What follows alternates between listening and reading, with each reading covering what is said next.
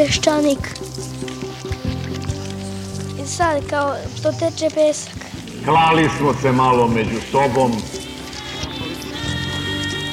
časkali, prebirali po sećanju. Srbi krenuli za kulturom, za civilizacijom evropskom, za modom evropskom. O, leševi srpski! Nacionalizam kod nas nije isto što nacionalizam u Francuskoj. Peščanik. Jer možete govoriti kao što Francuzi piju za učak vino, mi smo alkoholičari, mi ne smemo ni kap vina da pijemo. Ajde dalje. Napustimo mračni i sramni Beograd. Iza nas nerazuman lelek nedostojnih, Peščanik. ispred nas ciljevi uzvišeni. Ovde ljudi još uvek masovno misle da socijalizam nije tako rđav. Može, treći put vodi pravo u Afriku. Ekonomski uvek, ako hoćemo tamo, onda smo na pravom putu. Iznad nas zver koja nas vodi putevima gospodnjim.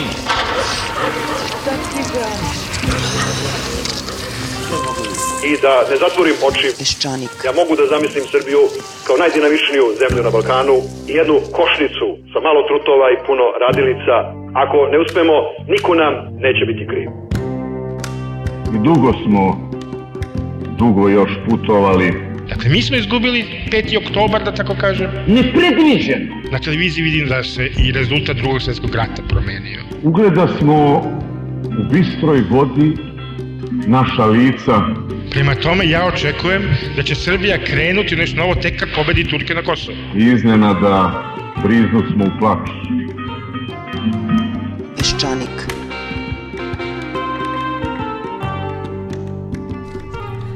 Dobar dan.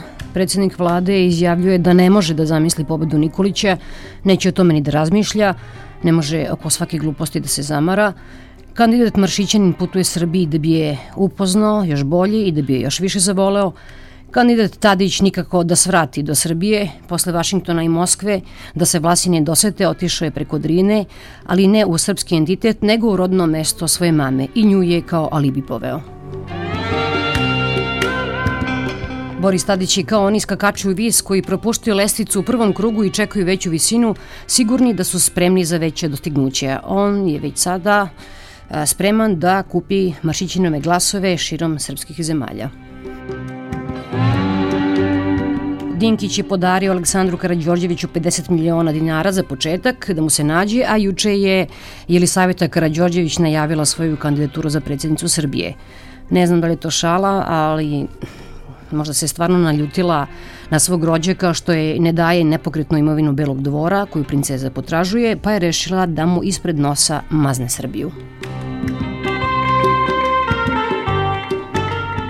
Naravno, sve je to ništa u odnosu na onaj sinućni skup podrške srpskom domaćinu u Sava centru Bogoljubu Kariću.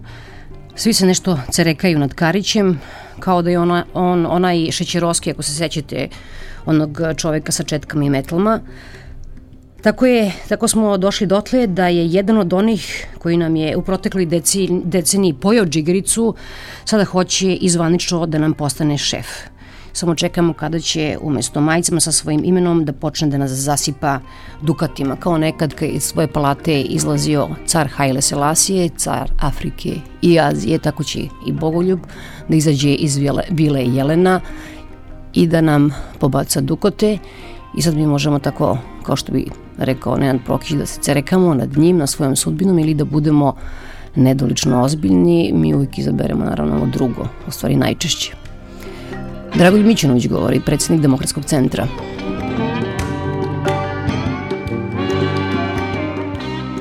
Ja mislim da se Srbija radikalno menja. Sa željom da se pokaže da sve što je bilo je bilo loše. A dramatično je to što oni koji su insistirali na kontinuitetu, poštujući legalizam, ne znam, zakone i tako dalje, da su upravo oni nosioci tog radikalnog raskida. I sad ljudi su pod nas dosta inertni. Ostalom, sva idealizacija naše istorije neka tera kogo god hoće pokazat će koliko nam je trebalo da, da se ratosiljamo i Turskog carstva, a kamoli jeli, kasnije pojedinih vladara i tako dalje. No sve su se prilagodili, ljudi su se prilagodili, jeli, ajde na Miloša, pa onda posedi na Karadžorđeviće, prilagodili su se na Tita, tvrdo su kao bog zna kako Srbi, ali tog Tita da je živeo ne 88 godina, da žive 800 godina, to bi guslali oni uz njega, dakle, je došao Milošević. I tako su s Miloševićem živeli do bombardovanja i posle bombardovanja nekako su jeli shvatili da je tome došao, došao kraj. I sad se prilagodili, sad zaboravljamo na Miloševića, nije se na njega tu niko osvrnuo. E, sad je bila Evropa, idemo u Evropu, tu su se nekako teška srca odlučivali, ali ako se tako mora, to je sad neka sudbina, mi ćemo tamo da idemo. I onda je počela polako sumnja iznutra upravo to što je Evropa. Ma su videli da se možda nisu zaletele. Ostajemo opet bez posla, opet imamo, šta će nam to? Onda se mi ne damo da nas tu sad neko menja. Imamo mi svoju kulturu. Ne damo mi da neka druga kultura sad nas menja. Pritom potpuno ne razumevajući da je kultura, ako je kultura uvek svetska i da je e, autohtono samo barbarstvo. No, bilo kako bilo, vratili su se polako nas. E sad, to nije bilo što postepeno. Nego odjednom sad kad su došli na vlast oni koji su želeli da sad naprave tu restauraciju, to su učinili dramatično. Sekući svaki korin sa onim prethodnim. I to je sad opet dovelo do totalne jedne zabune ovog naroda i sad smo naravno u nekom bespuću, u čekanju, u gledanju da ćemo možda malo nekome da podvalimo, pa ćemo da ga prevarimo, pa ćemo mu da kažemo da smo mi mnogo veći demokrati nego što jesmo, da smo mi iskreni jeli, ljubitelji evropskih vrednosti. Problem naših ideologa i političara ovde uvek je bio taj što su verovali da će nekom podvaliti. Ipak smo mi pametniji. Jedno smo verovali da možemo jednu priču da pričamo ovde, a drugu ćemo priču pričati napolju, jednu ćemo pričati jednom sagovorniku, onu drugu drugu. Ja sam pokušavao da uverim neke naše političare da svaki političar ima svoj fajl i da mu je on otvoren odavno, da, možda i pre 90. I tačno se zna ko je šta pričao. I sad možete jednu priču pričati 90. drugu 92. pa ćete sada, ne znam, 2004. jeli se pojaviti kao sad neko potpuno nepoznati nov i popiju to što im vi nudite. Ne, nego on pritisne dugme i sve izreke su tu, sve parole su tu i tu podvaljivanja nema.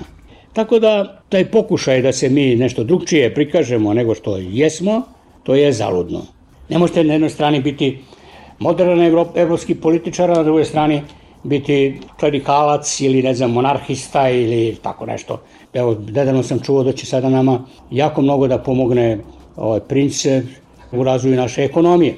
Pazite, kome mi to možemo da, da prodamo? Pošto taj princ nije, nije pomogao do sada. Princ je bio službenik jednog osiguravajućeg zavoda. Koje su to silne veze? Koji su to kraljevi, diplomati došli i tako dalje? Vi ga sad gurate na jednu liniju, sad on ide u svetsku banku, pa će on u svetskoj banci da nam obezbedi kredit. I sada ljudi koji znaju šta je svetska banka i znaju kako ona funkcioniše, izmeri rizike, izmeri profite svoje, izmeri ima svoju politiku, oni veruju da ona sad radi na principu dobrih veza, pa kad čuju da je neko princ, onda ga oni obaspu, obaspu zlatom. A iza toga se krije mala plitka priča članova Krunskog saveta da se dobije jedna apanaža od 50 miliona iz budžeta, jeli, sa kože poreskih oblik. E sad, koga to ko misli da prevari? Čije su to bajke? I sad, nešto što je bilo muzej, mi kažemo ne, mi ćemo to da plaćamo, pa će to da bude muzej. Ali niko ne, ne pođe od jedne normalne činjenice. Aleksandar Karadžođević ima jedno rešenje koje mu je, dok je bio predsjednik vlade Žižić, dato.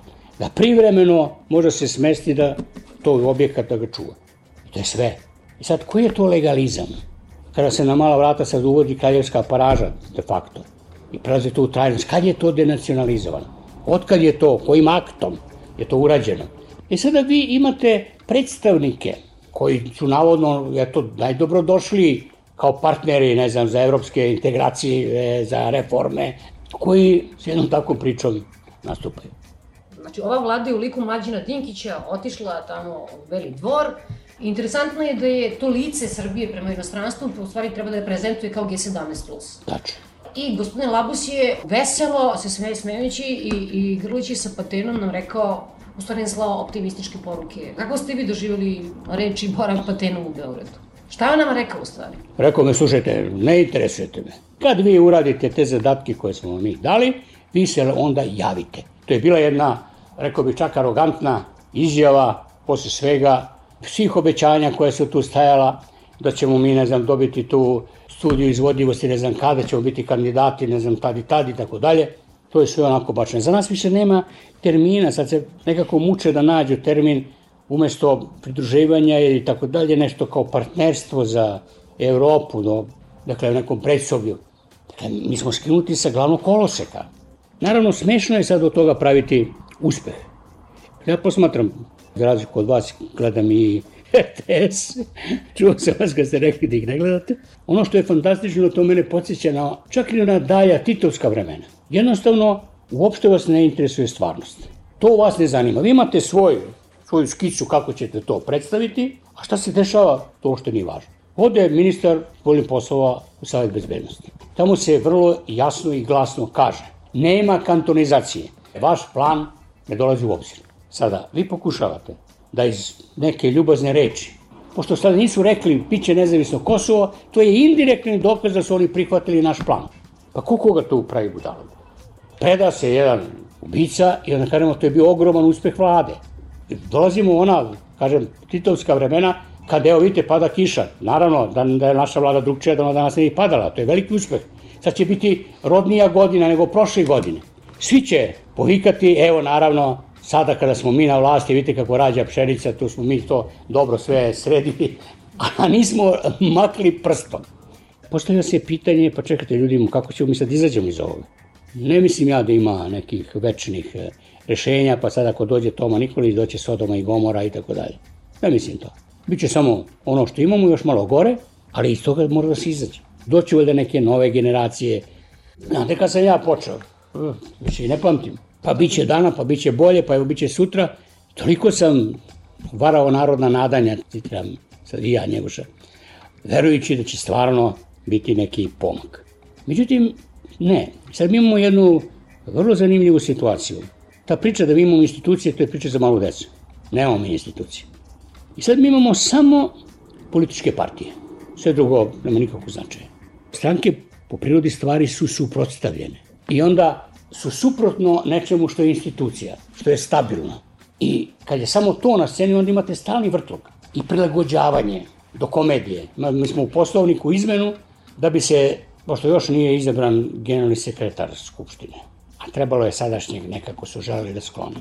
Onda su u poslovniku stavili da kad se izabere zamenik generalnog sekretara, onda generalnom sekretaru prestaje dužnost. To prilagođavanje najsitnijem personalnom rešenju Skupštini, kao što je generalni sekretar, vi menjate poslovnik, neka vrsta ustava Skupštine, koji je zakon, vi prilagođavate to nekako doigravate, tako da oblačite, što govorio jedan opet dosta kod nas klevetan čovek, Jadni Svetozar Marković, e, on ima jednu sjajnu rečenicu, kaže, nema te varvarije u Srbiji koja se ne može obući u zakonsku ruhu.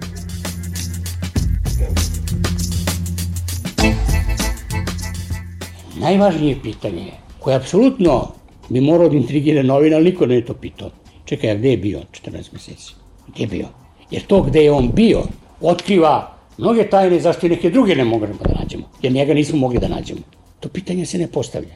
Sad što se tiče štampe, ja sam u šali rekao, pa on je ovaj njega izgleda kandidat za predsednika, plebiscitarno. Osim kad je umro, čak ni Tito, nije nikada doživeo da sve novine, od najvećih do najmanjih, od tabloida, časopisa do, ne znam, dnevnih novina, da svi imaju na naslovnoj strani njegovu sliku. To se nije dogodilo. To ja ne verujem da je baš naručeno, a to govori o stanju duha. To govori da smo mi spremni da progutamo svaku priču. E sad, to je moguće ako se te stvari pripreme. A bilo je serija napisa koji su najavljivali, aha, šta li se događa, da li je to prava istina, da li je to taj metak. To znači, treba čitavu stvar prikazati, da su sve to nevini ljudi i patrioti, ali da je neka zla policija oličena u vlasti, vladi DOS-a, te časne ljude tela da obruka, napravila veliku tu akciju Sablja, samo da bi taj DOS sakrio da je lično on ubio i organizovao ubistvo svog premijera ili vođe Đinđića. Previše krupan zalogaj, ali je činjenica da je nekom palo na pamet da takvu jednu ideju ima, da to pokuša da formira, jeste nešto što je zaprepastujuće. E sad, naravno, to nije jedan dan. Evo, do današnjeg dana, i danas ima politika, ne, ne propuštaju sa ogromnom fotografijom, samo što nije izretuširana. Donesu taj lik da nam svima jeli, uđu u glavu. I zato sam rekao, ljudi, pa oni su se oko predsjednika dogovorili. E to je stanje duha. To znači da mi nemamo distancu prema zločinu kao zločinu. Nemamo. Dakle, cela atmosfera koja se stvara sa željom da se jedna prethodna vlast učini najgorom na svetu. Pa čekaj, da je bila i najgora. Pa trajala je kratko da bi mogla da napravi tolike bar zločine. Valjda su neke vlasti koje su trajale mnogo duže. Uradile mnogo što šta, pa se pozivalo na kontinuitet s tim, s tim vlastima. I onda sam vidio jednu crtu koja je za mene postala tuđa, da se sve što je bilo vezano na bilo koji način, pre svega za Đinđića, reći će Legije, mogu bi volili, volili da Legija bude mrtav samo da on ne bi progovorio. To otkriva potpuno novu sad situaciju, jednu novu figuru. Da smo se mi rastajali iz stranke, kad je Koštunica poštujući statut stranke, jednostavno kad ostao manjini zgrabio tašu i rekao mi sad odosmo, pravimo drugu stranku. U redu, otišao. I onda negde reč, rekao da sam ja e, šešelj u fraku. A sam ga pozvao telefonom i rekao, boje, slušaj, ne treba to da radimo. Morat ćemo nekad opet u životu da se rađujemo, onda neke teške reči ostanu iza toga. Ja nisam odgovarao mnogima na uvrede, klevete i tako dalje, ne zbog neke blagosti prirode ili neke urođene finoće. Ne, nego sam smatrao da to škodi. Škodit će mi sutra s tim ljudima da se ne zakrvim toliko da ne mogu da se rađujem. Međutim, e, ovo se negde otelo i ja sad ne znam sa ovoliko strasti, sa koliko se ulazi u tu sad borbu, da se vrate temelji onoga mrtvoga kuće to da dovede, to ja sad stvarno ne znam.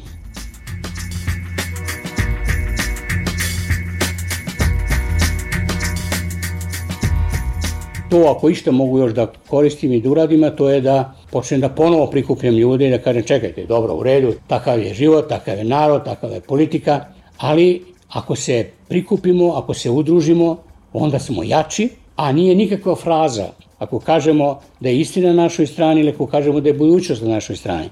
I da sa mnogo više hrabrosti kažemo čekajte, to što vi radite, to je antievropski, to mi ne damo. Ne možete da nas plašite, ne možete da nas hapsite, ne možete da nas zabranjujete, odraće vas. Bacite pogled kako prolaze oni koji tlače svoje građane. Prosto da podigne moral, kaže ljudima, ebre, šta vam je? Pa neću da se sad plašim Stojkovića to, ili Legi, ne znam koga. U čemu je vic?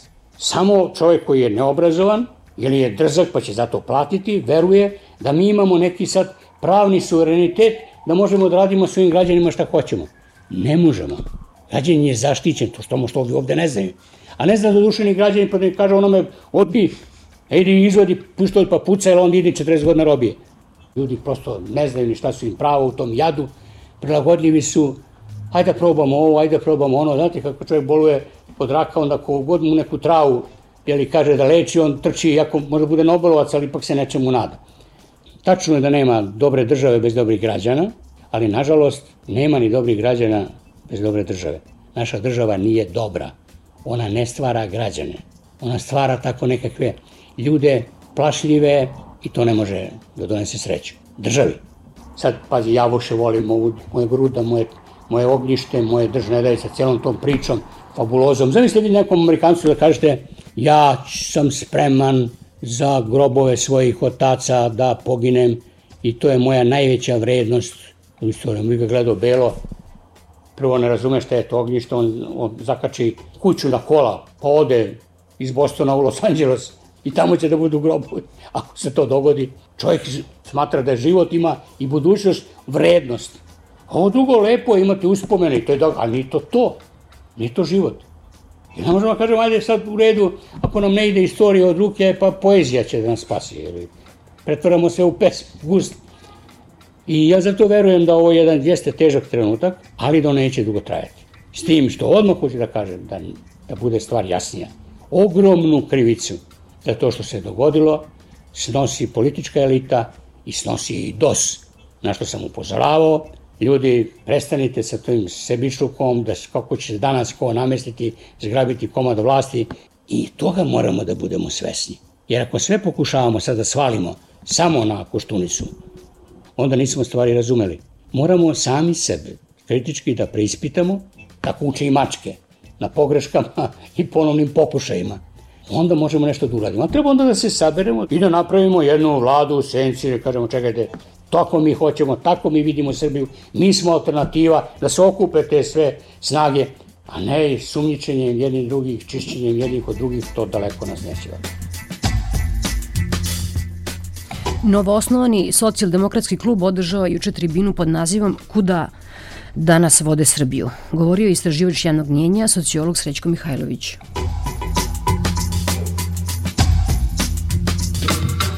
Moja je teza da i jedni i drugi i mi i oni slabo vidimo i otuda s pravom se postavlja ovo pitanje kuda vode Srbiju. Možda bi bolji izraz bio kuda vodaju Srbiju. Sad je pitanje ovo. Oni koji ovu zemlju vode i vodaju, oni su time očigledno zadovoljni. Šta je s onima koji su vođeni ili vodani? Tragičan je odgovor, a on glasi i oni su zadovoljni time što su vođeni. Dakle, ako imamo zadovoljne one koji vodaju i one koji su vodani, u čemu je onda problem? Zašto mi problematizujemo celu stvar? Jer je zadovoljstvo na obe strane. Pojenta je u tome što u Srbiji mi nemamo javnost, nemamo onu javnost koja može kritički da kaže nešto i agama i raj. Među psalmima Davidovim 137. počinje približno ovako. Na obali reka Vavilonskih sjeđasmo i plakasmo sećajući se Siona. Ta slika meni uvek izaziva jednu drugu. Kako građani ove zemlje sede na obali Dunava, Save i ovih morava i plaču sećajući se socijalizma. Prva reformska vlada bila je uverena da tranzicione poslove može da obavlja bez građana, bez radnika i bez saglasnosti sindikata. Vlada nije mogla da čeka. Govorilo se, voz je u stanici, dat je znak za polazak, a oni se beskrajno opraštaju, grle, ljube i nešto pričaju. Voz reforme ode. U tome Srbija nije bila izuzetak i Srbija je u stvari išla putem kojem su već prošle neke uspešne postkomunističke zemlje. Jedan od ministara iz one tamo bivše vlade, kada sam ga upitao, dobro, a šta je sa javnim mjenjem? Zašto građane ne uključite u problematiku privatizacije? Kaže, nama je savetovano iz ovih zemalja koji su prošli taj put da je to loše, da je to čist gubitak vremena. Ta brzina je pokazala šta je pokazala najbolja sintagma koja govori o, o, o stanju građanske svesti kod nas jeste nešto što sam našao kao jedan upisani odgovor jednog ispitanika. On kaže, odoh ja iz ove ludaje.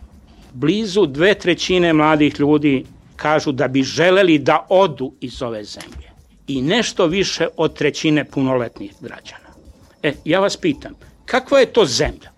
koju toliki broj njenih stanovnika, njenih žitelja želi da napusti. Jelena Milić iz Foruma za međunarodne odnose i profesor Vladimir Ilić, tako reći Lenin, iz Centra za razvoj civilnog društva putovali su proteklih meseci po Srbiji i pokušavali da ubede radničku klasu da se tranzicija može preživeti nad prolivenim mlekom, jeli kažu ne treba plakati, ja mislim da treba, ja kukam non stop i svaki dan i prosto ne mogu da, da, da, da prežalim kakve smo mi to dve ili tri šanse propustili. Mi smo drugu takvu šansu dobili na najmorbidniji mogući način, to je bilo posle bistva premijera Đinđića, pa smo onda dobili još jednom još jednom, kad smo zakazali one parlamentarne izbore, pa smo se ponovo sami sebe ukucali, ali to je već jeli, tema potpuno za neku drugu raspravu. Juče je bio gospodin Paten u Beogradu, čuli ste, pretpostavljam, svi njegovu ocenu stanja ovde, opet su se svi našli u čudu. On ništa novo nije rekao, ništa oštrim tonom, nego što pričaju sve vreme. On je pred poslanicima Bundestaga pre samo nedelju ili dve dana, kada je ocenjivao potencijale ostalih zemalja Zapadnog Balkana za evropske integracije i kada je pravio jedan breakdown išao od zemlje po zemlje, kada je došao do Srbije i Crne Gore, e, svoje izlaganje počeo tom čujnom rečenicom Srbija and Montenegro, it's a tragic story. Vidim da se gospodin Labu sad našao zatečen, ali to dakle nije ništa novo, to je stara priča i stara ocena. Takođe, znate svi da nam je gospodin Teodor Meron Lepio je neku solidnu rampu time što se čak i on poželio Savetu bezbednosti Ujedinih nacija da Srbija i Crna Gora apsolutno ne sarađuju sa Haškim tribunalom. To je u jednom delu stručne javnosti e, uslovno rečeno izazvalo nedoumice i dodatnu zabrinutost zato što je već godinu ili dve unatrag uočljiv trend u kome je jedan deo srpske kriptonacionalističke elite pokušavao da razdvoji ono što radi Karla Del Ponte kao tužilac tribunala od onoga što radi Teodor Meron i pokušavali su da nam na svaki način kažu da je glavni tužilac potpuno ispolitizovana osoba i da ne vodi nikakve interese o tome šta se dešava u Srbiji Crnoj Gori kada pokušao da ostvari svoje planove vezane za procese u Haškom tribunalu. E, sada se pokazalo da je igrati na tu kartu nesporazume između pojedinih delova tribunala potpuno smešno kao što će se ispostaviti da je glupo igrati na kartu bilo kakvih jazova ili neskoda u nekoj generalnoj politici između Sjedinih američkih država i Evropske unije u regionu. Pozvaću se na Karla Marksa. Pa duva globalizacija, pa ne možete joj odoleti makar bili ultralevičar, makar bili intim legitimno po vrednostima ili po interesima pristalica restauracije socijalizma. Postavlja se pitanje samo da li će se produžiti politika neuspešnog oponiranja ili će se zajahati na vetar svetske istorije što, su uradi, što je uradila Đinđić Živkovićeva vlada. Treba pre svega racionalizovati sve stanovništva koje se do sada mahom opredeljivalo za antireformske snage. A to je moguće. Opet vas podsjećam na temeljni nalaz da široka osuda tribunala pada na vrlo malu spremnost da se zahtevima tribunala odupre kada se postavi pitanje plaćanja najmanje cene. Očuvanje nacionalnih kulturnih vrednosti je veliki cilj, ali valjda, ako dobro pamtim, samo 1% građana bi bio spreman da plati neku cenu da bi se očuvale te u medijima toliko promovisane nacionalne kulturne vrednosti, što god to značilo. Kosovo je za valjda nekih oko 40% naših ispitanika osnovni državni problem i prioritet. Ali to pada valjda na trećinu tog procenta od 40% ukoliko bi se za pokušaj da se Kosovo povrati morala platiti bilo kakva cena. Rađena je kampanja i to fokusirana, centrirana kampanja u četiri sredine. U Somboru, u Nišu, u Kragujevcu, u beogradskim predgrađima. Ali na koji smo način išli i koji su to bili sadržaji kojima smo pokušali da utičemo na našu ciljnu grupu, a to su opet, kažem, radnici bez obrazovanja. To je prvo priča o budućnosti dece. Budućnost dece kao karta na koju reformska opcija može da igra. Drugo, nešto što mi nismo stvorili, to je ogromna unutargrupna kompeticija, unutargrupni konflikt. Sukob oko sve manjih resursa kao što su sigurnost radnog mesta i bar minimalna egzistencijalna sigurnost među pripadnicima najniže frakcije radničke klase u Srbiji. Tu se unutarklasni rat već vodi. Od usmeravanja tog klasnog rata koji spada u jednu od neizbežnih, makar i neželjenih cena tranzicije, zavisi ko će i kako će platiti cenu i kolika će ta cena biti. Taj klasni rat ne samo što je klasni rat, to je uopšte rat protiv drugih. I to je mesto gde se nacionalizam, ksenofobija i egalitarizam sreću. Tranzicijski gubitnici prepuni su mržnje prema bilo kome ko je drugi, drugačiji, ko im obara cenu na tržištu radne snage, ko se javlja kao nelegalna ili nelojalna konkurencija na tržištu radne snage. U Somboru postoji ogromna averzija pripadnika svih etničkih grupa prema izbeglicama iz Hrvatske. Niš i Kragujevac su prepuni mržnje prema sunarodnicima koji predstavljaju dobegla raseljena lica sa Kosova. Tu postoji jedan potencijal koji bi neke krajnje desne snage mogle da artikulišu na način koji nipošto ne bi odgovarao ni reformi, ni ciljnim grupama koje su, nažalost, uhvaćene u ovaj žrvanj. Tranzicija melje i po pravilu melje najslabije, ali i unutar grupacije najslabiji postoje još slabiji. Nikoga toliko ne mrze tranzicijski gubitnici u Srbiji kao dobegle Srbe iz Hrvatske, iz Bosne, sa Kosova. Nema etničke solidarnosti. Nema društvene solidarnosti. Srbija je jedna nečovečna zemlja. Peščanik, repriza subotom od 16 do 17.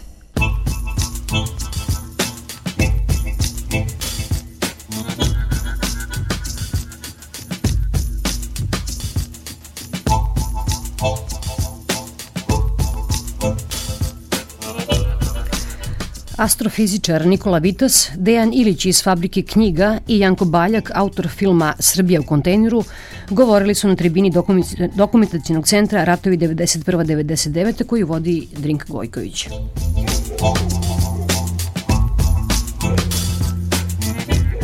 Recimo Vranje. Vranje je kao da vas čovek vrati u vremeplov. Dragan Tomić je i dalje bog i batina. Policija bije brutalno neistomišljenike, znači ništa se nije promenilo. Taj grad funkcioniše na nivou feuda, kao što je funkcionisalo cela Srbija pre 5. oktobra. Znači Vranje je bukvalno grad gde socijalistička partija Srbije ima punu policijsku, političku, ekonomsku ili kako god hoćete drugu vlast, gde ljudi šapatom izgovaraju ime Dragana Tomića, gde u konspiraciji do, dolaze na tribinu koju je organizovao B92 i gledaju film Srbije u kontejneru, ali to možda nije ni najgori primer. Recimo grad Bor. Grad Bor je grad e, koji je preživao ekološku katastrofu. Tu su mi prvi put na projekciju filma došli autentični radnici, znači oni, Alija Sirotanović je došao na projekciju filma Srbije u kontejneru. Taj grad je mrtav. U njemu je kvadratni metar stana ispod 100 evra. Prosečna plata je oko 4-5 hiljada dinara, to niko ne dobija. Svi su srećni kada dobiju 2000 dinara platu. Prodavnice izgledaju tako što piše imamo ulje stigao šećer. Znači ja sam se vratio u neki film od pre 10-12 godina. Ali možda najgore od svega je za mene bilo što ljudi u Boru su srećni zato što ljudi u Majdapeku žive još mnogo gore. Svi hoteli manje više na jugu Srbije u kojima smo odsedali su pola hoteli, pola izbeglički centri ljudi sa Kosova. Znači ovaj film je, koji sam radio je upravo moj nekakav očajnički pokušaj da proniknem u to zašto kod nas sve to toliko dugo traje, zašto nama treba toliko vremena, zašto je Milošević trajao toliko dugo. Obično ljudi pričaju priču o tome kako su im prošle najbolje godine njihovih života. Pa svima su prošle najbolje godine njihovih života. Znači svima prolaze, još uvek su u toku te najbolje godine našeg života koje mi trošimo iz potpuno meni iracionalnih i nepoznatih razloga. Svi filmovi koje sam radio, počevši od filma Vidimo se učitolji, Drinka je spomenula Kristijana Golubovića.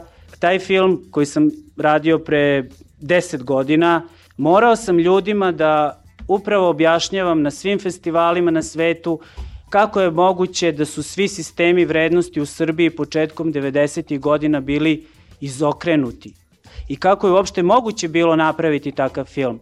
Da čovek, okoreli zločinac, pred kamerama priča o najgorim zločinima. Kako je to moguće? Svi su mislili da su to ljudi koje smo mi angažovali za potrebe dokumentarnog filma, da su to glumci koji glume kriminalce. Ja se bojim da ćemo se mi ovih dana i ovih uh, ovog proleća 2004. godine sećati s nostalgijom, kao što se sećamo nekih drugih dana. Kada nam bude ministar za kulturu umesto Kojadinovića, kada nam bude neko, neko drugi. Ja svoju čerku nisam upisao u prvi razred osnovne škole dok se ovi ne dogovore da li su reforme stale ili nisu. Ona će ići vrlo matora u prvi razred sledeće godine. Ako se ovaj trend nastavi, možda i neće ni upisati u školu. Uh, ajde malo kao drugačije se, da malo promenimo. Prvo ne vidim da su stvari u Srbiji tako crne, Drugo, ne vidim da su stvari bezizlazne i da nema nade. Treće, mislim da jako puno ovaj, ili mnogo zavisi od nas. I Janko je pričao o svom iskustvu putovanja po Srbiji. Toliko ima dobrih ljudi u Vranju koji super misle i jako glasno govore da ja sad, ono mogu bi imena da navodim. Demokratska stranka, fenomenalan odbor u Vranju. Šta je problem u Vranju? Pa imate Simpo. U, u Simpo radi 60% stanovnika Vranja. I recimo, ako radi 60%, onda znači da 90% Vranja živi od Simpa. Radikali nemaju podršku u Vranju. Vranju je, kao što reče Janko, na vlasti SPS, što nisu radikali. Radikali imaju podršku u Vojvodini. Vojvodina je nešto sasvim drugo. To će kažem, radikali nisu jaki u onim sredinama gde se loše žive, radikali su jaki u nekim drugim sredinama, naročito u Vojvodini, naročito u Novom Sadu. Tu znači moramo da razmišljamo o nečem drugom. Otkuda i zašto radikali. Ja imam jedno vrlo banalno objašnjenje otkuda i zašto radikali. Zato što imaju jako dobru stranačku infrastrukturu i znaju šta je stranački posao. I isto tako mogu da vam navedem gomilu primjera gde možete da vidite da stranke koje zastupaju one ideje koje su nama bliske, ne znaju da naprave stranačku infrastrukturu, ne znaju da pošalju poruku i nisu spremne da rade za ciljeve svoje stranke. Rekao je Janko, mi smo 89. bili bliže onim ciljevima koje sad postavljamo pred nama, koje bismo hteli da ostvarimo. Pa dobro, jesmo bili 89. bliži? Pa boga mu, šta smo radili sve ovo vreme, pa sad kukamo što propadamo. Jedan banalan primer. 96. i 97. nijedna stranka u Srbiji nije imala dovoljno odbora i dovoljno članova da pokrije sva izborna mesta u Srbiji. To sam pričao hiljadu puta. Da li mislite da 2004. ih ima? Pa šta rade ljudi? 14 godina imaju stranki, ne umeju da napravi infrastrukturu stranačku. To je prvo pitanje. Drugo pitanje, šta ja radim sedeći u svom stanu i pitajući se pa šta oni rade? Pa marš u stranku pa radi. Meni se čini da se Srbija u ovom trenutku nalazi e, da bi se kretanje Srbije uopšte u, u skorijoj prošlosti tih 15 godina i u nekoj budućnosti e, moglo opisati onim što fizičari zovu jednodimenzionalnim kretanjem. Kretanjem gde se ne postavlja pitanje pravca. Premijer Koštunica imao još jednu izjavu ovih dana. Citiram, on je rekao da je svestan da njegovo protivljenje saradnjih sa Haškim sudom može da uspori e, integraciju Srbije u Evropu, ali da zna da ne može da ga zaustavi. Drugim rečima, šta je on hteo da kaže? Zemlja je okrugla i vi ako idete na istok, na kraju ćete stići na zapad. Samo što ćete na tom putu proći kroz Afganistan i kroz razne azijske oblike diktatura, država, a na kraju ćete jednog dana tako idući na istok stići na zapad i naći ćete se u Evropi. Ono što je skandalozno u toj izjavi je ona reč svestan. Dakle, on je potpuno svestan da će nas voditi okolo naokolo. Ja ne znam da li on misli da, da ova zemlja ima vremena ili da on ima vremena ili da mi imamo vremena. Meni se čini da, da mi prosto nemamo vremena za, za tu politiku preko preče naokolo bliže radeći sa, sa Drinkom u poslednje vreme na, na jednom zajedničkom projektu imao sam prilike da se suočim sa jednom zastrašujućom arhivom govora Slobodana Miloševića, dakle ukupnom zbirom svih Miloševićevih govora od 86. godine negde do 2000. Ono što je mene tu zaista porazilo jeste što kada je prvi od tih govora objavljen, ja sam imao 11 godina. Kada je objavljen poslednji, poslednji je objavljen na moj 26. rođendan. Dakle, gotovo čitav moj život svesni, ajde, ono, pre 11. godine nekakvo detinstvo, da kažemo, ja, ja sam proveo u tome ja zaista više osjećam da više nemam vremena da čekam to da se mi polako, laganim koracima uključimo u Evropsku uniju i da prihvatimo sve te civilizacijske norme koje Evropa smatra za normalne. Na ovoj tribini govorio je i teatrolog Ivan Medenica sa kojim smo napravili poseban razgovor. Ivan Medenica. U prvom redu mene zabrinjava uh, proces uh, protiv optuženih za ubistvo premijera Zorana Đinđića. Mislim da se tu stvara jedna atmosfera nesaznatljivosti, jedna atmosfera relativizacije istine, U njoj učestvuju i političari, i advokati, i sud, i mediji. Recimo od svih tih izjava u poslednje vreme meni je najstrašnija izjava advokata e, Leginog da se Legija 14 meseci krije u svojoj rođenoj kući. Ta izjava ima jako veliku težinu. Ona time optužuje bivši vrh policije za saučesništvo u ubistvu premijera. Ako vi kažete 14 meseci se prvo optuženi kriju u svojoj rođenoj kući, time kažete da ga policija krila. Jednostavno stvara se atmosfera da će taj slučaj, taj proces svaka politička opcija koristiti za vlastite potrebe i za jednu dakle političku manipulaciju. Jednostavno meni je jedini prihvatljiv stav po tom pitanju da je sud taj koji je kompetentan da interpretira dokaze svedoka. Dakle, mene kao građanina interesuje kakve će zaključke sud izvesti iz leginog o svedočenja, a ne šta on o tom ima da kaže. Potrebno je sudu ostaviti mogućnost da njegovu iskaz interpretira, a ovde se stvara konstantna atmosfera da će nam on obznaniti vaskoliku istinu da koristim crkveni e, vokabular, ne znam zašto mi se on tu povezao sa slučajem Legija. Ali jedno jednostavno se takva atmosfera stvara, takvu atmosferu staraju pojedini mediji, što još i mogu da razumem, jer senzacionalistički mediji žive od takvih stvari, ali mi nije jasno kako aktualna vlast se od toga ne ogradi i oni nemaju pravo da likuju nad budućim izjavama gospodina Legije, kako ga zovu, oni, a ne ja, ovaj, nego bi trebalo, čini mi se da rade ovo što ja kažem, a to je da se pozivaju na sud, tužioca, sudiju i njihovu interpretaciju. To je recimo jedna stvar koja je najozbiljnija, jer mislim da je to suđenje mm, pitanje svih pitanja koje mi trenutno imamo. Ako se ta istina ne, ne razazna, onda mi se čini da se situacija propadanja u živo blato celokupnog našeg društva ozbiljno nastavlja, da će onda narod s pravom reći ma, mislim, ko zna da li je danas uopšte svanulo jutro, možda i nije, mislim, jer možda je to nečija podmetačina. Skepsa je odlika ovog naroda, ovog podneblja, glavna antropološka odlika da se uvek sumnja. Ali to, znate, nije ona racionalna zapadnoevropska sumnja, ono Hamletovo, misli, meni su potrebni jači dokazi nego što je duh moga mrtvog oca, pa ću zato napraviti mišolovku da ja dobijem dokaze da moj stric ubio moga oca. Nije to ta prosvetiteljska i racionalna skepsa. Ovo je jedna paganska skepsa, ovo je nepoverenje u bilo kakvo kritičko, racionalno, argumentovano mišljenje. Znači vi nekome date more dokaza, ali će on naći neki način da ih potpunosti relativizuje. I onda dolazimo do tog Gljušićevog, ma ko zna ko je ubio Anu Lind, zna se, dotični Mijajlo ga je ubio i nije važno što je on Mijajlo, što kaže Teofil možda se zove Olaf ili Mujo, ali švedski pravosudni organi su vrlo pozitivno tvrdili istinu. Ja ne verujem, ne verujem u tu priču o mentalitetu, mislim da je priča o mentalitetu jedan veliki alibi.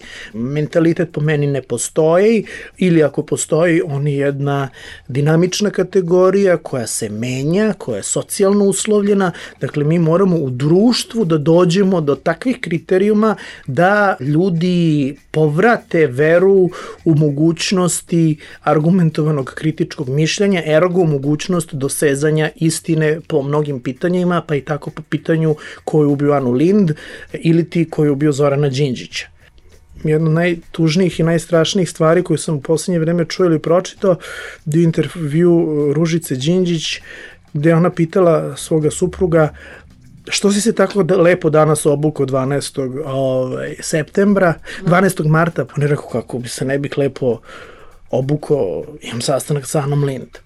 Zaista Ana Lind ga je čekala u vladi, to znamo tog dana kada je, kada je ubijen, pa pošto ja na Akademiji dramskih umetnosti studentima predajem i grčku tragediju, onda nekako tu počinju da funkcionišu ti neki, neke strukture koje su s one strane političkog, političkog života. Ali eto, to je jedna digresija vrlo intimna i privatna, jednostavno to, taj odgovor Zorana Đinđića, Ružici Đinđić, kako, šta čeka me, Lind mi je neko jako bolno zazvučao.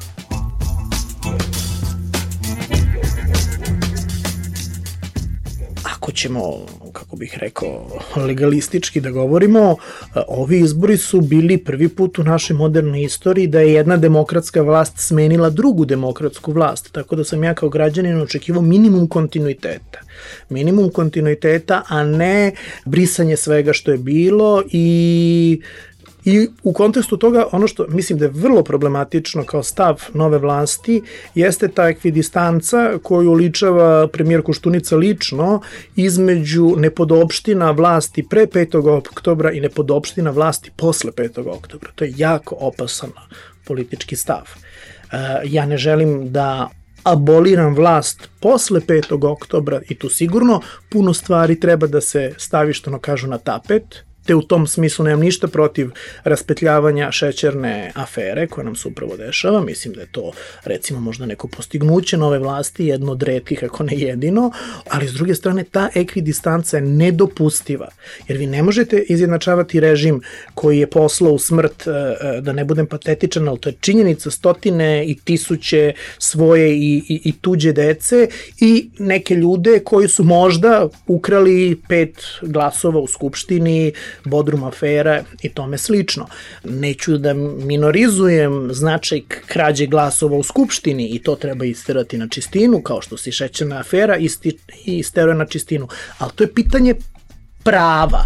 A kada govorimo o političkim konsekvencama, te stvari se ne mogu porediti. Krađa tri glasa sa ubistvom ne znam koliko stotina hiljada ljudi u kome, u kome je na ovaj ili na onaj način doprinela, ajde da kažem, prethodna, prethodna vlast, to se ne može izjednačavati. To se definitivno ne može izjednačavati i mislim da je ta politika ravnoteže u nepodopštinama vlasti pre 5. oktobra i posle 5. oktobra vrlo ozbiljan politički gaf, a ono što me još više plaši da to nije politički gaf, nego politički koncept.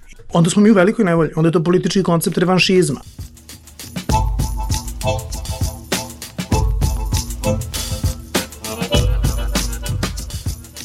E, jedna od tih binarnih podela u našoj kulturi jeste binarna podela na, na nacoše i mundijaliste ili nacionaliste i mundijaliste. Ona je vrlo opasna i ona je vrlo netačna. Iz prostog razloga što ljudi iz kulture koji se zaklanjaju iza nekih patriotičeskih parola, kako bih vam rekao, vrlo redko su tu to obrazovani intelektualci konzervativno orijentisani. Ima i takvih i njima svaka čast. Ali u, za te nacionalne patriotičeske opcije vrlo često staju nekompetentni ljudi. Ljudi koji ne govore strane jezike, koji stručnu literaturu poznaju iz 50. i 60. godina, koji ne umeju svoju profesiju da stave u neki širi referentni okvir, jer ne znaju u svojoj vlastitoj profesiji tokove svetske i onda iz tog osjećanja inferiornosti klaustrofobije oni prihvataju jednu demagošku parolu uh, koja je obično nacionalne provinijencije jer je to ovako emocionalno najjače i najlakše se time da, da manipulisati. Tako da mislim da je to podela na kompetentni i neko, nekompetentne, gde su nekompetentni nacoši, a kompetentni mundialisti. Nisu mundialisti ideološka po meni grupacija. To su ljudi koji poznaju šire strukture od onih koje vladaju u ovoj zemlji. A mnogi kriterijumi i mnoge strukture koje su ovde vladajući su potpuno irelevantne bilo gde izvan granica ove zemlje. Ja sam trenutno umetnički direktor Sterinog pozorja, koje je festival nacionalne drame, i od prošle godine sam počeo da pozivam strane predstave rađene po domaćem, po domaćem tekstu. Onda se pokazalo na tom primjeru gde su standardi naših pozorišta, što su neki eminentni reditelji i eminentni umetnici ostali bez nagrada pred grupom mađarskih 25-godišnjaka, anonimnih u potpunosti u našoj sredini. Znate, svaki nacoš koji govori tri strana jezika, ja mu skidam kapu, ali mislim da takve možemo nabrojati na prste jedne, jedne ruke. Ruku na srce, e, tu su krivi i ovi drugi iz drugog mondialističkog tabora, da opet tu binarnu glup podelu koristimo, jer oni podgrevaju svoju, kako bih rekao, ekskluzivnost i onda se tu stvara utisak da se oni međusobno državaju po sistemu spojenih sudova i to je vrlo opasno. Samo što naravno tu opet ne treba praviti ekvidistancu, jednostavno jedna grupa intelektualaca je dala intelektualnu podršku jednom političkom konceptu koji je iznedrio ratove, a druga opcija nije dala tu podršku, naprotiv stala je e, vrlo jasno i glasno protiv takvih političkih koncepata. Tako da tu opet ne treba tu tezu spojenim sudovima maksimalistički postaviti, jer bi opet istina bila, kako bih rekao, uskraćena.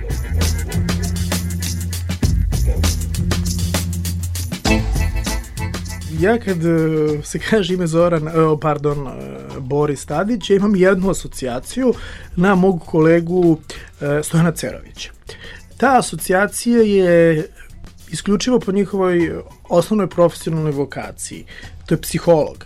Stojanovi tekstovi i Borisove izjave imaju za mene lično jedan sličan efekat terapeutski.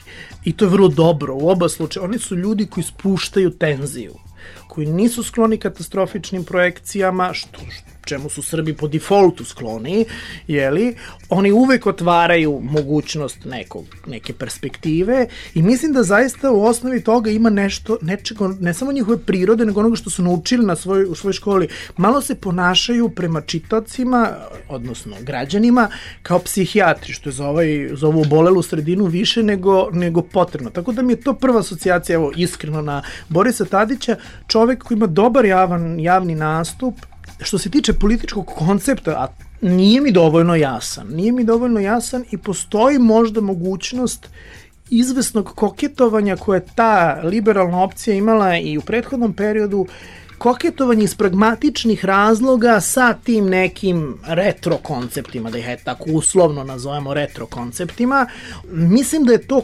koketovanje dosta opasna stvar. Mislim da, i ne samo da je opasna, nego mislim da nije, ono, ono što smo govorili, nije dovoljno čak ni pragmatična. Mislim da bi politički bilo možda mnogo korisnije jedan put zauzeti neki tvrd stav tvrd stav, radikalan stav u liberalnim idejama. Biti radikalan liberal. Što znači, molim vas, Haški sud i saradnja s Haškim sudom se ne sprovodi zato samo, samo zato što smo mi potpisali neki papir, nego zato što je ovom narodu i ovoj zemlji u interesu da se određeni zločini na teritoriji bivše Jugoslavije razreše. Tu se stvara jedna opcija, ok, ljudi, mi smo poražena strana u ovom ratu i sad kao poražena strana mi moramo nešto da trpimo. Znači, iza takve vrste prećutnih stavova se krije, mislim, jedno prihvatanje svega onoga što je bilo, zar ne? Meni se tako nekako čini. Znači, nekako možda ne bi bilo loše da neko jasno i glasno kaže da donekle Haški sud i nama koristi. I kad se prihvata saradnja sa Hagom, ona se uz neko ono srbijansko, mangupsko namigivanje, ma dobro, aj sad moramo to da izguramo, to je meni potpuno strašno. Ta neka vrsta šibicarenja sa užasno ozbiljnim, ozbiljnim stvarima. Intimno rečeno, u poslednjih deset godina sada mislim da je najozbiljnija situacija nekako jednostavno iz prostog razloga što nekako 10 godina pod Miloševićem u suštini je bilo ne lakše, ali jednostavno postoje jedan širok front protivu te opcije i znali smo da ako ne našom voljom, nekim spoljnim političkim uticima će to pre ili kasnije otići. Sad je mnogo više, čini mi se, sudbina negde u našim rukama i sad se dešava prava politička diferencijacija. Jer DOS je bio jedna, jedan bastard, mislim. Tu su se i republikanci, i monarhisti, i levi, i desni, i ovaki i onaki udružili protiv nečega. Neki su obarali fašizam, neki su obarali komunizam, a pucali su na, na Miloševića i na njegovu opciju, kako bih vam rekao.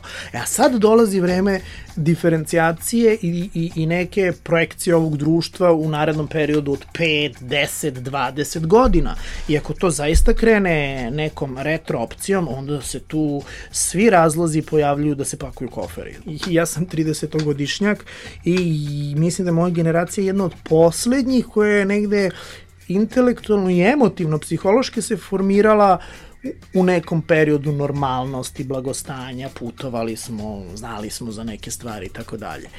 A sada gledam studente svoje, tu ima ljudi koji ne znaju za bolje, mislim, znate, koji ne znaju, nisu putovali, nisu oni krivi, ali njihov referentni okvir je toliko uzak da kad ti ljudi kroz 20 godina i 30 godina budu uzeli, zauzeli neke funkcije u ovom društvu, to je dosta opasno sad ovo deluje kao neka monstruozna izjava da su ti mladi fuj fuj. Među njima naravno ima divne dece, ljudi koji nisu putovali, ali ih internet spašavao i otvarao im mogućnosti. Ja znam svoje studente koji nigde nisu putovali, ali koji zahvaljujući internetu znaju bolje od mene, mislim, šta se događa u svetskom filmu, svetskoj modi, pa i svetskom pozorištu, u krajnjoj liniji, samo na osnovu interneta. I takvim mladim ljudima se ja iskreno divim i jako ih volim.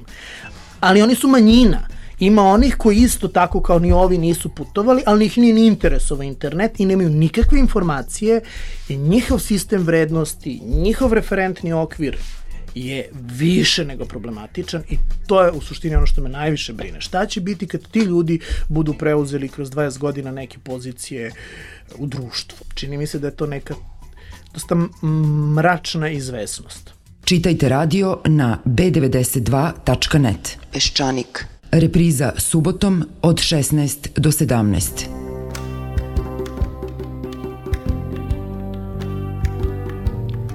Mi smo 89. godine imali državnika koji je rušenje Berlinskog zida shvatio kao samo malo grublje građevinske radove.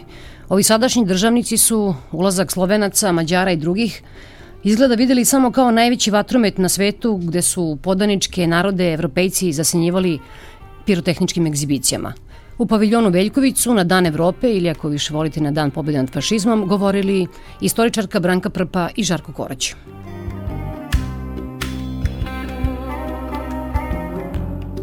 Jeste, nažalost, istina da je Demokratska stranka Srbije u stvari preuzela politički program Slobodana Miloševića, jasni nagovešta i postoje da će i daljna politika u suštini biti jedna konfuzna antievropska i nacionalistička politika. Ja moram da kažem da su politička kretanja u našem društvu obeležena jednom užasavajućom atmosferom koja je stvorena.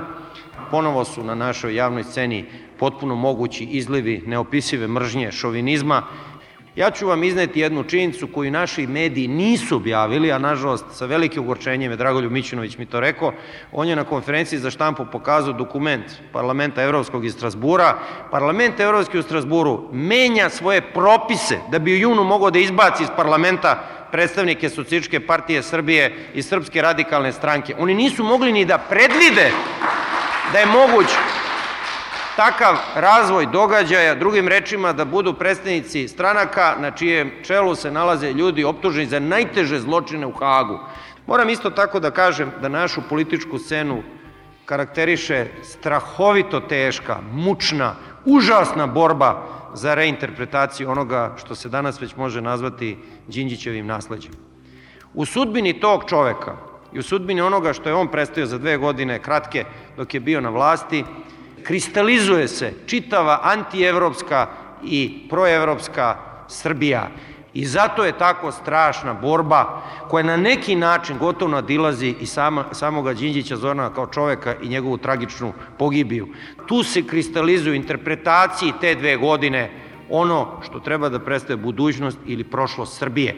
I zato se vodi tako ogorčena borba i zato se sa takvom strašću udara na njegovu ličnost i na njegovo delo, jer mi je potpuno jasno da ako te dve godine prikažu kao zločinački incident u istoriji Srbije. Ako prikažu to kao grupu bandita i kriminalaca koji su prevalili građane Srbije, onda ova generacija ljudi, ne oni koji živeli u prvoj polovini 19. veka ili u drugoj polovini 19. veka ili u prvoj polovini 20. veka, koji su imali svoje heroje i svoje borce za slobodu, onda ova generacija ostaje bez jednog primera nekoga koji je bio spreman da Srbiju povuče ka Evropi i da bude ubijen, što se dešavalo inače u srpskoj istoriji, zbog toga što je želeo zaista jednu izmenjenu Srbiju u kojoj ove burazerske i sve druge odnose, zločine kao način ostvarevanja političkih ciljeva, indiferentnost moralnu prema žrtvi. Pogledajte tišinu sa kojom je manje više ispračena presuda, prva presuda posle drugog svetskog rata, da je to genocid koji je izvršen nad ljudima u Srebrenici. Pogledajte tišinu kojim je to ispraćeno i činjenicu da nijedan veliki medij se nije usudio da postoji pitanje da li se u tom slučaju Ratku Mladiću i dalje može ovoj zemlji govoriti kao heroju, pošto je on najdirektnije vezan za, za, ako ništa drugo, makar za tu srebreničku operaciju. Dakle, naše društvo u ovom trenutku se suočava sa potpuno otvorenim pitanjem svoje budućnosti. I ne bih tako olako i sa tako velikom sigurnošću smatrao da ovo što vidimo, ove izlive šovinizma, ove zastrašujuće pokliče, tepanje medija ubici Zorana Đinđića umesto Zvezdan Zveki, tepanje Miloradu Lukoviću, serijskom ubici, komandante, on se više i ne slika drugačije nego kao uniformi, kako salutira, odsečno u vojnoj uniformi s beretkom, ne bi smatrao to za incidente, nego samo za indiciju jednog užasnog stanja u kome se danas nalazi Srbija. Pošto se često to pojavljuje u mnogim diskusijama, da istraživanja pokazuju da većina građana želi da uđe u Evropu. Meni se čini da je to pitanje traži dalje razrade, a centralno pitanje koje glasi za njega, da li si ti spreman da prihvatiš sve one vrednosti i da platiš, ako mogu slobodno da interpretiram, onu cenu koja je potrebno da se plati da bi zaista bio pripadnik zajednice evropskih naroda. Drugim rečima, nedostaju kriterijska pitanja. Ja bi se usudio da kažem da je odnos prema Hagu jedan od kriterijskih pitanja. Da li si ti spreman da podržiš taj sud i da prestaneš kao što već elitni nedeljnici sada i dnevni listovi kod nas govore o njemu kao sudu koji ni na koji način nije doprinao utvrđivanju istine, kao sudu s kojim, kako je rekao naš premijer, mora dvosmerno da se sarađuje, ali nismo doznali šta to tačno znači, i kao sudu koji može da dobije svoju interpretaciju intervjuima koje general Nebojša Paković daje svaki čas pa i grčkoj televiziji gde objašnja da je on u stvari heroj, a da smo mi svi ostali građani zemlje kukavice. Drugim rečima, dok je on bio na braniku otačbine, mi smo se svi krili po mišnim rupama. i naš stručnjak za ustavno, a izgleda i međunarodno pravo, dr. Vojislav Koštunica, nikada se nije potrudio da izađe pred građane Srbije i objasni im da li bi trebalo zaista s tim sudom sarađivati ili bi ga trebalo neprekidno uslovljati. Evo vam makar jednog kriterijskog pitanja. Dakle, šta ti misliš o tome? Da li zločinci treba da odgovaraju, gde treba da odgovaraju i da li treba sarađivati sa sudom koji je organ Saveta bezbednosti Ujedinih nacija. I da završim. Čini mi se da politički program koji je stvoren 80. i 90. godina, koji ima elemente fašizma, taj program, nažalost, nije poražen i taj program u jednom delu danas postoji, ali mi je potpuno nejasno kako će izgledati rasplet ove naše političke krize i čini mi se da će jedan od trenutaka doći na predsjedničkim izborima u junu, ove godine kada će građani Srbije morati vrlo jasno, bez pretvaranja, da odgovore da li daju svoj glas prošlosti ili budućnosti, da li je ono što mnogi mediji predviđaju e, vrlo značajnu podršku kandidatu Srpske radikalne stranke Tomislavu Nikoliću, da li je to put u Evropu i da li je činjenica da će upravo njega Evropski parlament kao parlamentarca izbaciti u junu iz Evropskog, dakle njega lično će izbaciti iz Evropskog parlamenta, pošto je član delegacije Srbije i Crne Gore u Evropskom parlamentu. Mi se borimo, dragi prijatelji, za najosnovniji od svih ljudskih prava. To je strašno, to je pravo na ljudski život. Vi vidite da tekstovi pišu da je dobro ubiti Zorana Đinđića, drugim rečima nemaš prava ni na život. U toj situaciji pričati o evropskim integracijama putu u Evropu je iluzorno. Ovo društvo treba prvo da savlada pravo čoveka da živi, bez obzira šta misli šta radi, pa tek onda sva ostala prava koja su izvedena iz toga.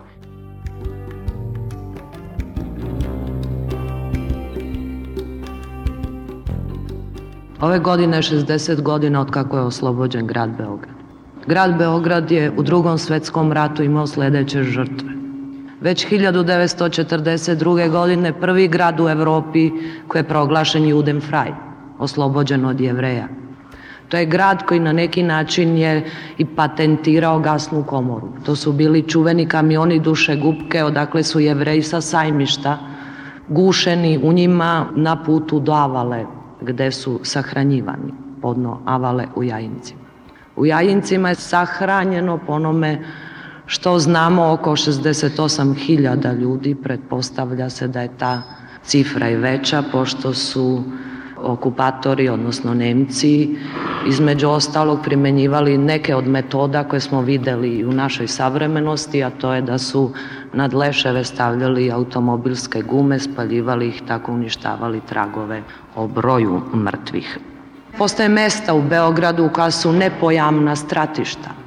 Jedno od njih je logor Sajmište koji ima jedno obeležje, ali ništa više od toga.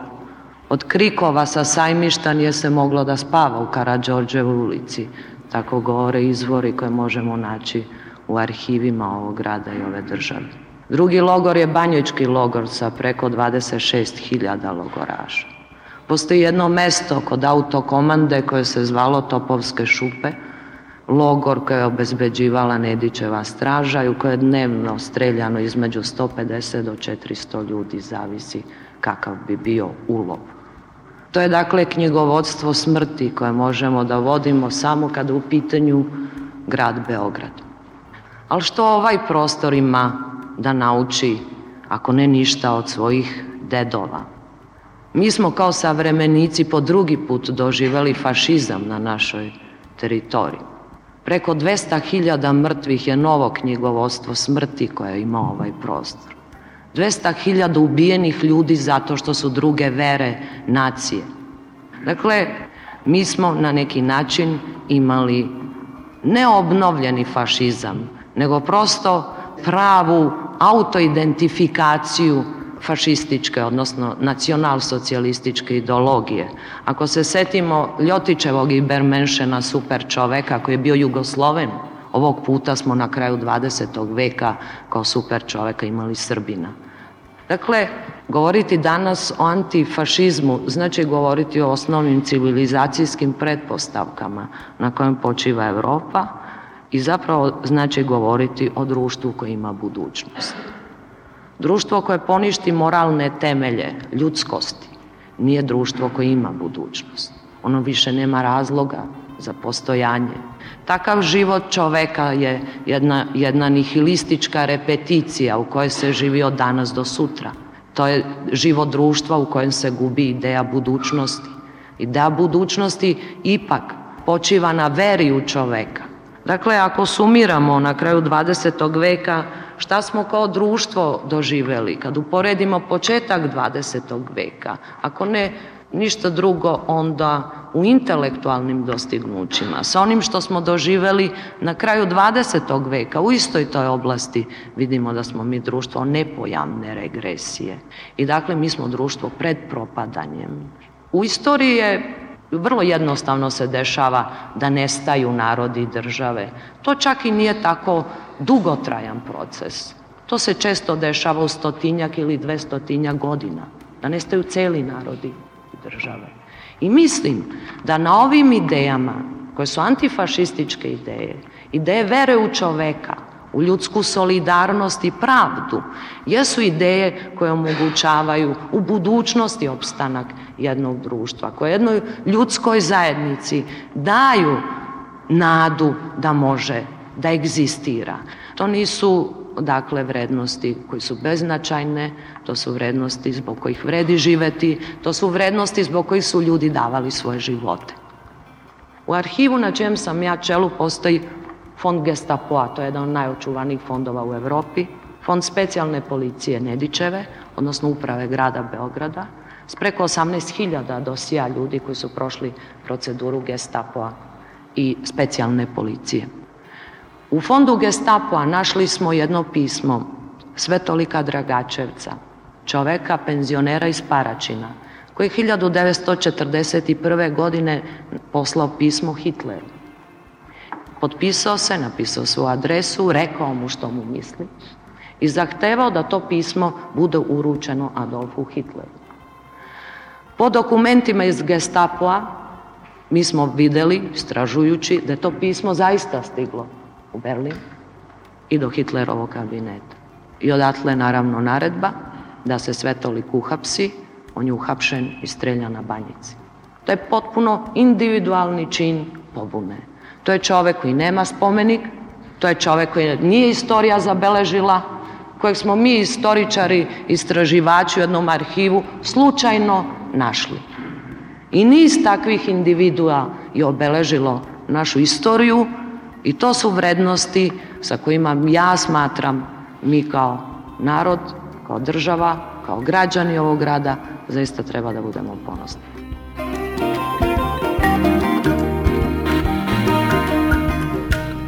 Dve žene iz Srebrenice kojima su muževi ubijeni u julu 95.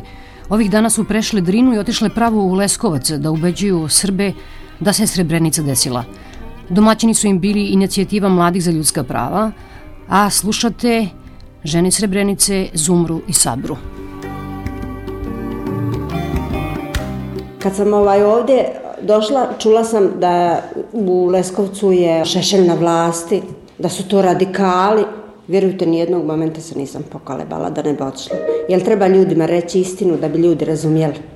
Evo me u Beogradu sedim i kažem da molim sve ljude dobre volje da nam pomognu da izručimo ratne zločince bez obzira kojoj vjeri oni pripadaju.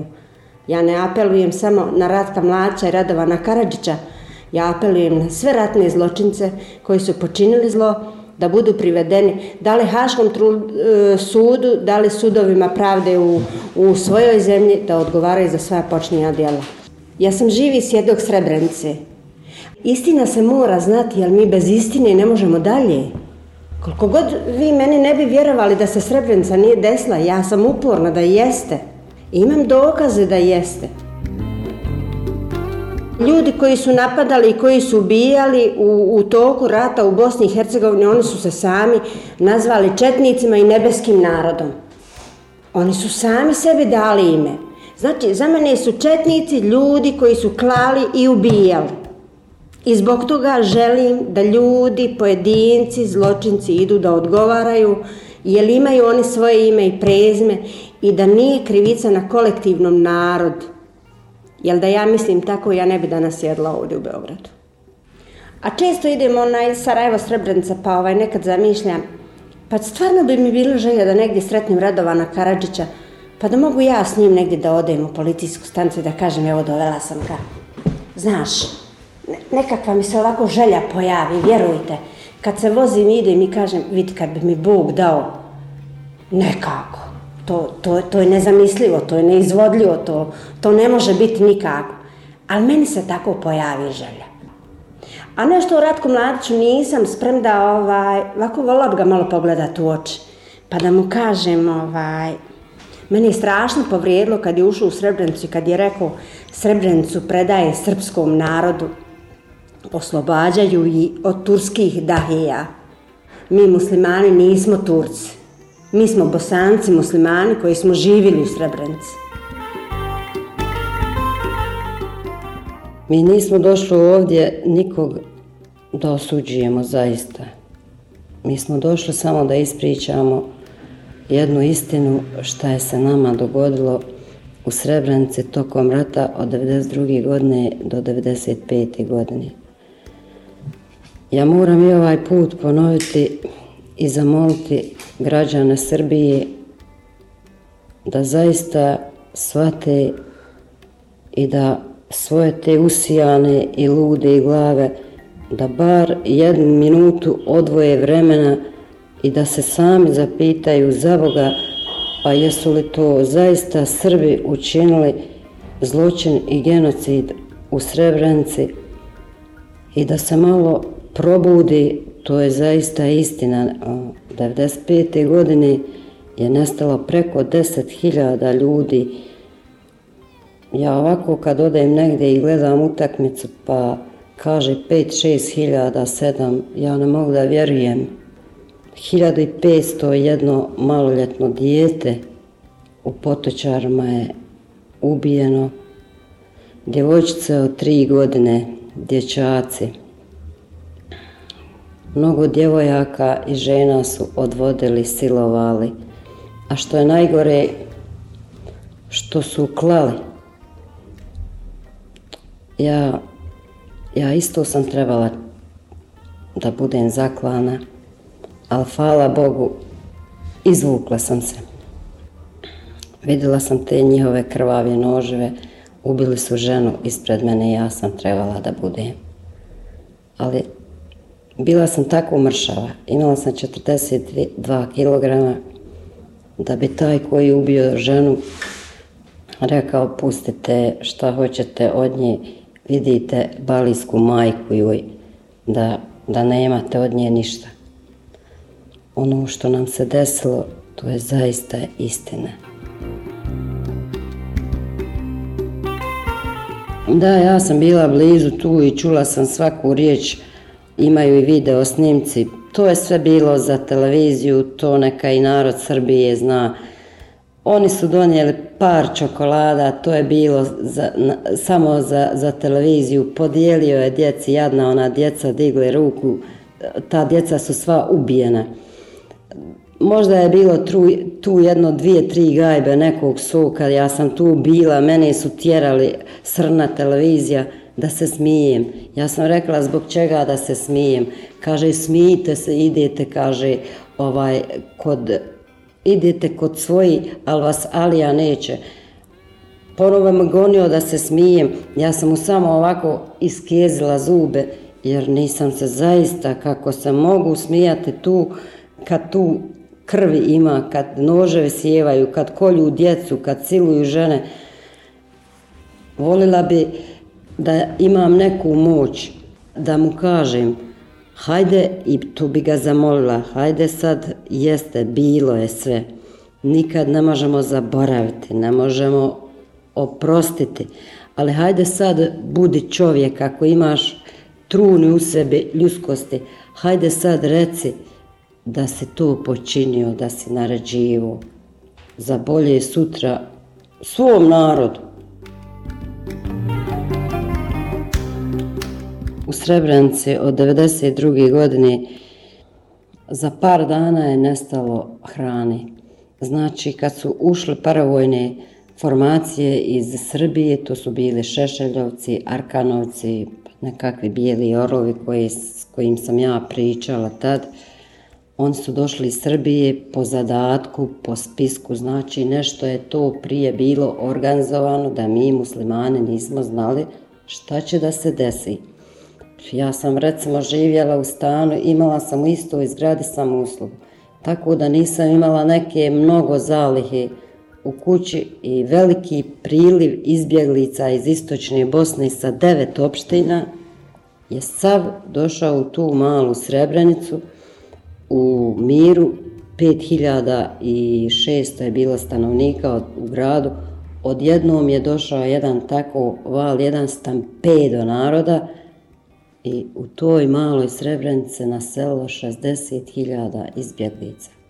Sve što je bilo u zemlji, mi smo to što je nicalo iz zemlji, mi smo to pojeli. Zato sam ja rekla 42 kilograma Evo moja djeca, jedan je bio tek pošao u prvi osnovni, a drugi u peti razred. Sigurno 99% ovdje u Srbiji stanovništva neće vjerovati da moja djeca 21 dan se vodi, ništa usta nisu stavili.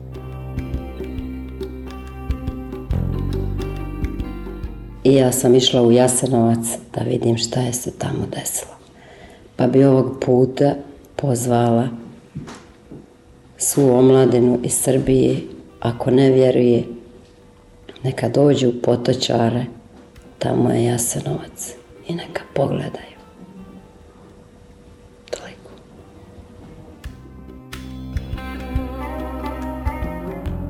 Pa treba ubiti 10.000 ljudi. Imali su vremena da organizuju i bagere koji su kopali masovne grobnice. Imali su vremena da organizuju ljude koji će pokupiti tijela i odnijeti ih tamo da pokopaju. Imali su vremena kasnije da se presaberu i da kažu da su u neke grobnice pokopali e, na stotine ljudi, mnogo, pa kad vjerovatno neko dođe do neke grobnice i reći će, a vidi ovdje je zločin, ajmo sad ovo da malo preturimo, da rasturimo, da razmetnemo da je to malo, kako bi ja rekla, malo blaži, pa im ni mrtvim nisu dali mira i tamo su ih izmjeli, samljeli, pa se ne zna ni ko je ko. Ali ljudi, zamislite da ni mrtvim nisu dali mira. Pa kažete, nije za, pa nisu za osudu. Ma oni su, ma oni su, ja ne znam zašto, ali oni, počinitelji, oni su za to. Ne narod. Ja sam nedužna žrtva. Ja sam žrtva Srebrenice, toliko nedužna da sam ovaj danas tamo pričala, pa mi se onaj prijatelj onaj smio sad u putu kad smo se vraćali, kad sam im rekla da sam se u početku rata našla u nekakvom vrtlogu iz kojeg ni danas danele ne mogu da izađem.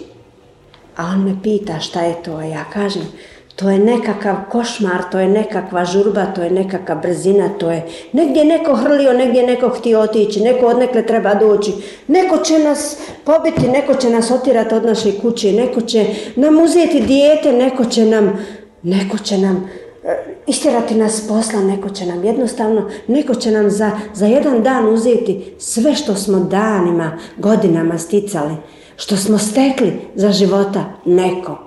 Neko. A ja se Bože pitam, pa ko je taj? Od 17. aprila 92. pa do, do 11. jula 95. godine u Srebrenici je bio pakao. Svaka ispaljena granata, svako bombardovanje, svaki snajperski hitac koji je upušćen sa obližnih brda oko Srebrenice je bio čist pogodak u Srebrenici, jer je toliko bilo ljudi. U Srebrenici nije bilo prostora, nije bilo prostorije, nije bilo prozora koji nije bio, na kom nije bio dimnjak. Znači, toliko je ljudi bilo. Moja čerka koja je bila u Sloveniji, pa tako bila brižna, pa često piše i kaže, mama, možete li kupiti šta? A ja njoj odgovaram, pa joj kažem, sine, u nas su izlozi puni živih ljudi. Kad kažete da se ne slažu Srbi, da neće da nas čuju, da ne vjeruju da se desila Srebrenica, moram im reći da u koloni autobusa i kamiona koji su bili parkirani za srebrenički narod, bili su svi iz Srbije. Bili su autobusi 7. juli Loznica. Bili su Strijela Valjevo. Bili su Loznica, bili su raketa Titovo Užice i dalje da ne nabrajam. Ono što najsvetlije predstavlja svakom roditelju, svakoj porodici, naši su roditelji to izgubili, djeca su otišla u grad, iz grada u svet, trbuhom za kruhom, srećem našu decu, kako rade najčešće teške poslove po svetu. Tuga jedna. Hoću da svaka njiva bude fabrika. Da u svakoj porodici rade tri generacije. Tu je svaki čovek srećan, svaki otac i majka i deca i unučadi, svi kad zajedno rade u istoj kući i vidite troje kola parkirana pred kućama, to sam video ne više u Italiji, to danas možda vidite u Hrvatskoj i Sloveniji. Svima ide bolje nego Srbiji. Nedavno je u Hagu jedan svedok odbrane srpskih oficira optuženih za zločin u Srebrenici rekao je da je eh, između dva sela bilo toliko muslimanskih leševa da se duglo mogo hodati, a da se zemlja ne dodirne. A onda je rekao, većina njih je izvršila samobistvo vešanjem, vatrenim oružjem ili bombama koje su sami aktivirali. Ovo je bio Peščanik. Peščanik. Repriza subotom od 16 do 17.